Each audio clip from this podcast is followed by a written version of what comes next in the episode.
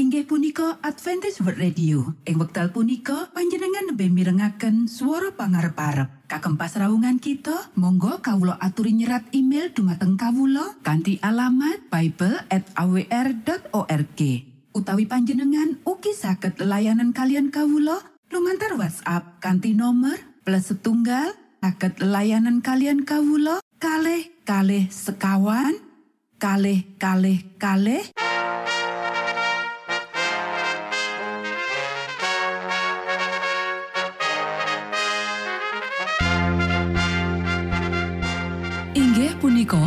punika Adventis World Radio ingkang giaran kanthi basa Jawi. Tentrem Rahayu kula aturaken kagem para mitra kinasih ing pundi papan lan panggonan. Sugeng pepanggihan malih kalian Adventis World Radio. Kanti bingahing manah kula badhe sesarengan kalian para mitra kinasih lumantar saperangan adicara ingkang sampun rinonci mligi kagem panjenengan sami. Mugi giaran punika saged migunani tuwin dados berkah kagem kita sedaya. Sugeng midhangetaken Gusti amberkahi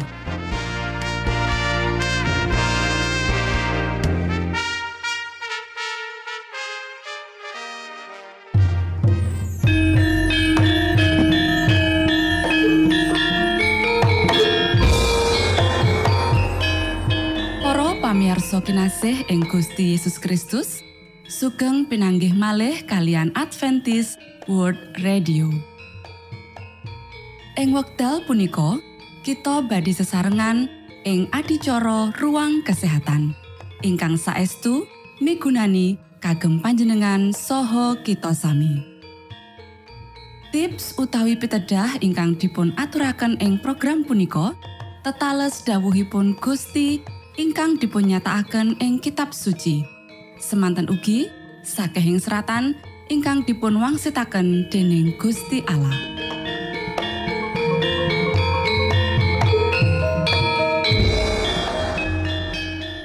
Nanging saderengipun monggo kita sami midhangetaken kidung pujian.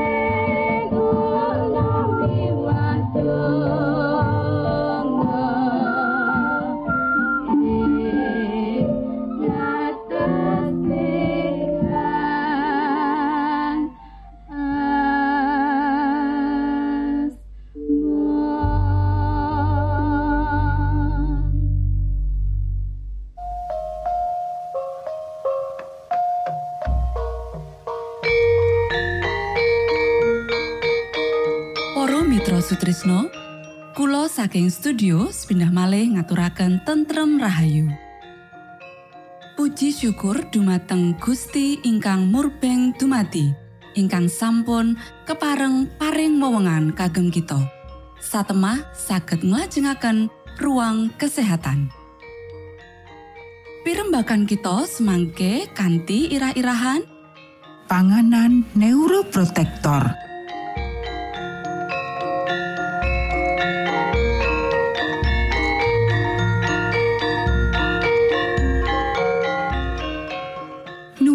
Dumateng para pamiarsa kakung saha putri ingkang dahat kinurmatan. Sugeng pepanggihan malih kalian kula Istri Kurnaidi ing adicara ruang kesehatan. Ing dinten punika kanthi irah-irahan panganan neuroprotektor. Para sedherek ingkang kinasih, lenga klopo lan lenga sawit wis dianggep ora sehat sebab nduweni kadar lemak jenuh. Ananging padha karo kulit ari saka gandum utawa beras, mulane lenga klopo mujudake salah sawijine sumber utama toko krienol. Awujud vitamin E kang mujudake antioksidan kang becik banget lan kalebu jinising neuroprotektor. Para sedherek ingkang kinasih, lenga klopo lan lenga sawit sugih bobot utawa kadar tokotrienol jinis vitamin E kang lagi wae ditemokake. Panaliten kang lagi wae wis nemokake wujud anyar saka vitamin E kang disebut tokotrienol jroning jinis panganan kang mligi. Kanthi cara kimia, iki mujudake vitamin E kang ora jenuh, kang kaperang papat jinis, tokotrienol alfa, beta, gamma, lan delta. Kabeh jinis vitamin E iki wigati banget kanggo fungsi otak. Jinis kang paling kesohor kasebut alfa tokoferol. Ditemokake ing isi lan woh kang utuh kaya dene dele, jagung, zaitun, alpukat, lan almond. Nanging jinis tokotrienol ditemokake ana ing jinis panganan liyane kaya dene klapa sawit, klopo lan kulit ari gandum utawa beras. Sawijining panaliten ing Ohio State University Center ing Ohio Amerika Serikat wis nuduhake menawa efek antioksidan iki bisa nglindungi neuron saka sakabeh racun malah luwih gedhe ketimbang tokoferol jenis vitamin E kang luwih akeh dikenal. Sakwise ngalami stroke, tokotrienol kang diwenehake marang kewan pacobaan ngurangi rusake otak lan nglindungi neuron saka defisiensi oksigen. Para sedherek ingkang kinasih, saiki ayo kita nyinau produk kang sugih tokofrienol. Kapisan, lenga klopo sawit. Lenga iki wis kelangan babab kang becik sabab kandungan asam lemak jenuhe dhuwur. Paling dhuwur saka sakabehing jinis lenga sayur. Natian mangkono, lenga klopo sawit uga kanthi tokotrienol, yaiku awujud vitamin E kang lindungi neuron. Dadi rekomendasine yaiku konsumsi lenga iki sak cukupe wae. Kang kapindho, klopo lan minyak klopo. Uga meh kelangan babab kang becik sabab kandungan asam lemak jenuhe. Natian mangkono, wis kabukti menawa asam lemak jroning klopo mujudake jinis rantai sing sedengan utawa medium lan iki ora ngakibatake arteriosklerosis. Iki beda karo asam lemak jenuh rantai dawa kang ana ing daging. Ya iki kang ngakibatake utawa njalari arteriosklerosis. Ana maneh klopo ngemot neuroprotektor ya iku tokotrienol. Kang katelu yaiku grains kaya dene beras, gandum, barley, uga oat. Kandungan tokotrienol kang paling dhuwur yaiku ing kulit arine. Mongko iku, ya kene kang luwih becik yaiku mangan kanthi cara wutuh kaya dene beras pecah kulit lan gandum utuh. Nanging tokoferol utawa vitamin E kang luwih dikenal ana ing gagang sakwoe. Kang kapapat yaiku suplemen tokotrienol. Dosis kang direkomendasikake yaiku 50 sampai 100 mg saben dina. Matur nuwun, Gusti amberkahi.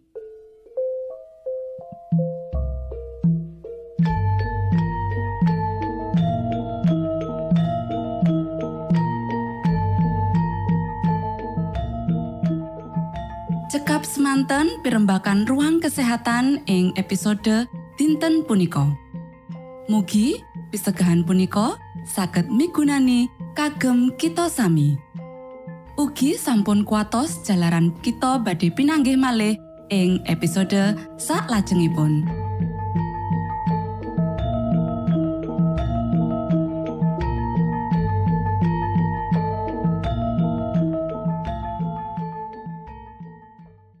Inggih punika adicara ruang kesehatan.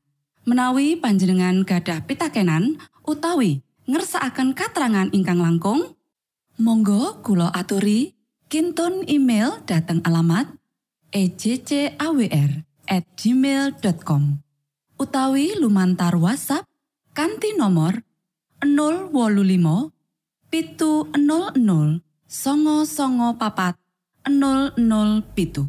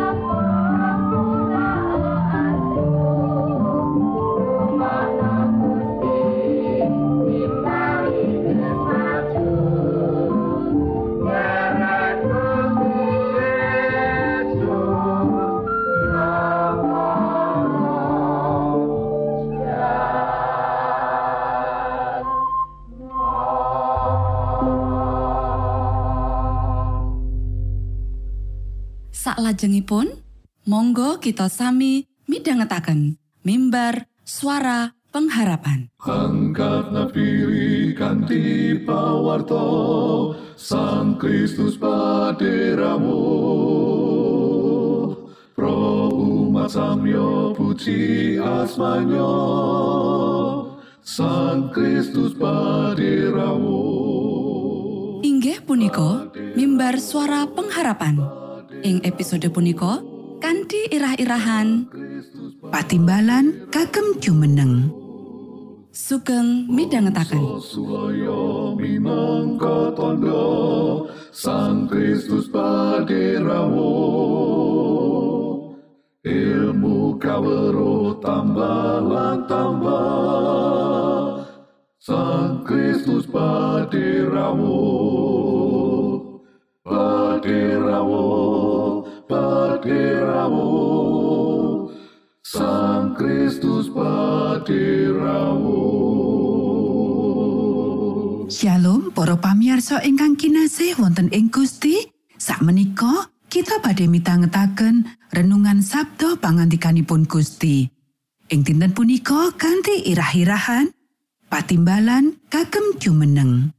Para sedherek ingkang kinasih wonten ing Gusti, dawuh pangandikanipun Gusti wonten ing kitab Efesus pasal 6 ayat 11 lan 11 inggih punika Wusana padha dadi santosa ana ing patunggilaning Gusti lan ing kasektening panguasane. Padha sikepo prapote prangi Gusti Allah supaya kowe bisa nadai gelar kaculikane iblis. Para sedherek ingkang kinasih, kanthi moto kang sumunar, batur punika kaget lan medal saking kamar pasaryanipun lan mirsani kahanan ingkang wasumlang. satunggaling pasukan mengsah kang ageng sanget kang dipun jangkepi wadya bala jaranan lan genep kalian kereta ing sakupengi. Kanti makita-kita tiang punika paring warta dumateng Nabi Elisa kalian pitaken kang nyesek. Aduh, pilai bendoro kula kados pundi punika sakejanipun. Nabi Elisa paring wangsulan. Ojo wedi. Amarga kang nunggal karo kita iku akeh ngungkuli kang padha nunggal karo wong-wong iku. Nabi Elisa nyeret yang punika supados celak lajeng paring pandonga. Duh Pangeran Yehua, patuko mugi karsa mbikak mripatipun supados piyambake sumerep. Pangeran Yehua tumuli mbikak mripat batur mau satemah bisa sumurup. Gununge katon kepak prajurit jaranan lan kretan kang murup kang ono sakupengi Nabi Elisa.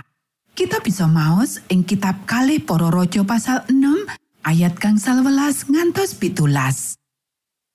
Para sedherek ingkang kinasih, wonten ing panyusunan kitab Efesus pasal 6 ayat setoso ngantos kalih toso, Rasul Paulus ngetungo kagem tujuan ningkataken para tiang kang sami pitados, satemah tiang-tiang punika saged mirsani kasunyatan kang kebak tantangan ingkang ageng lan kagem paring pangarep-arep saking punapa kang sampun dipun raosaken dumateng para tiang-tiang punika. Para sedherek ingkang kinasih, sumangga kita pahami pemanggihipun Rasul Paulus ingkang kaprungu wonten ing seratan kitab Efesus pasal 6 ayat setoso ngantos kalih doso. Punapa artosipun pangajap perang Rasul Paulus punika kagem kita ing jaman samangke ingkang dados pejuang wonten panentang ageng? Rasul Paulus mungkasi seratan ing kitab Efesus kanthi patimbalan kagem perang.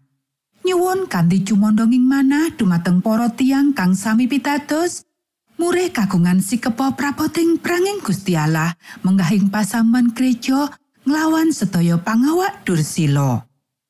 Rasul Paulus kawiwitanipun paring pitutur dumateng saindenging para tiang supados sentosa wonten ing patunggilanipun Gusti Allah lan kaambali dados patimbalan kagem prapoting pranging Gusti Allah lan nyengkuyung patimbalan punika tinuju kagem nangkis kajulikanipun si iblis kanthi adhedhasar tandingan punika kagem merangi rohing katursilan kanthi ringkes Rasul Paulus lajeng ngambali patimbalan supados nyandak prapoting Gusti Allah kagem jumeneng lan tetep tangguh wonten ing palagan.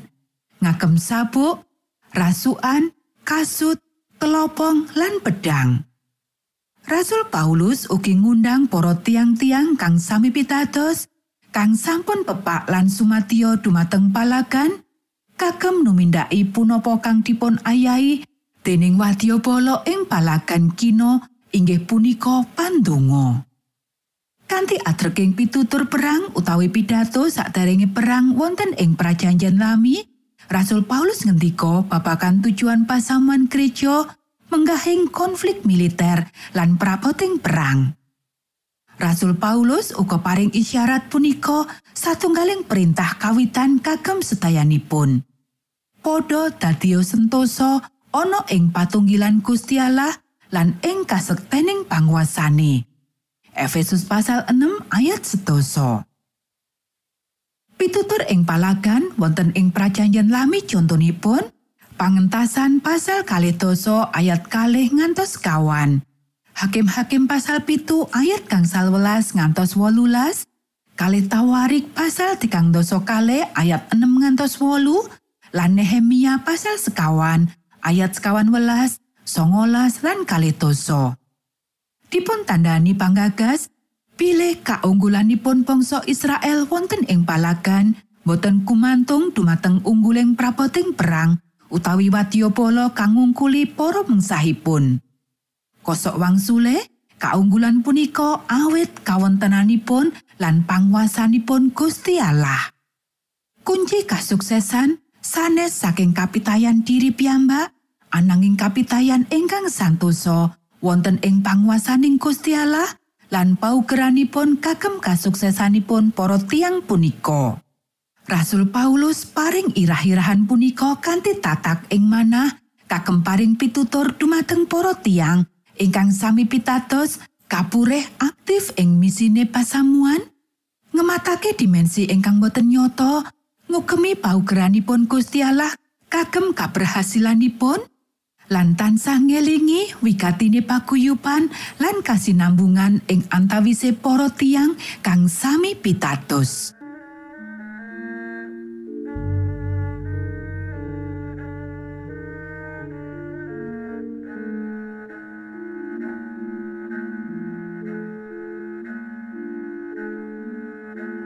Para Mitra Sutrisno pamiarsa kinasih ing Gusti Yesus Kristus.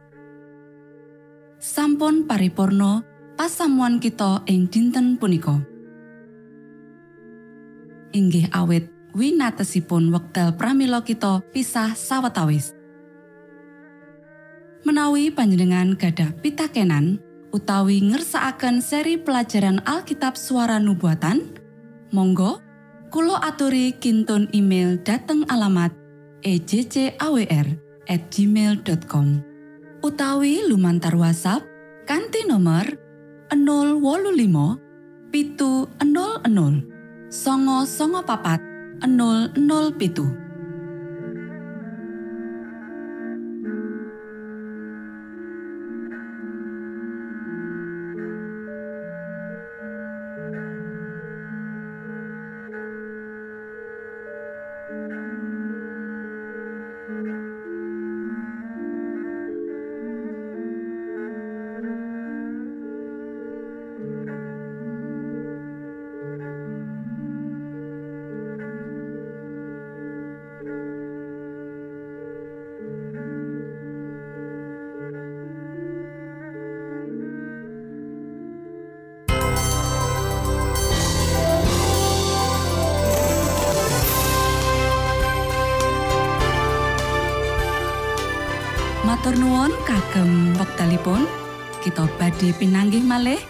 gelombang ugi wekdal ingkang sami.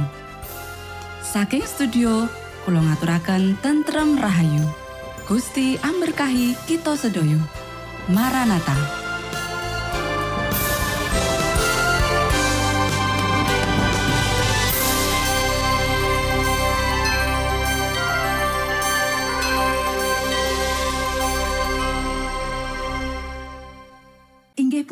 Adventist World Radio. Ing wekdal punika panjenengan nembe mirengaken swara pangarep-arep. Kagem pasrawungan kita, monggo kawula aturi nyerat email dumateng kawula kanthi alamat bible@awr.org. Utawi panjenengan ugi saged layanan kalian kawula lumantar WhatsApp kanthi nomor plus setunggal saged layanan kalian kawula kalih kalih sekawan kalih kalih kalih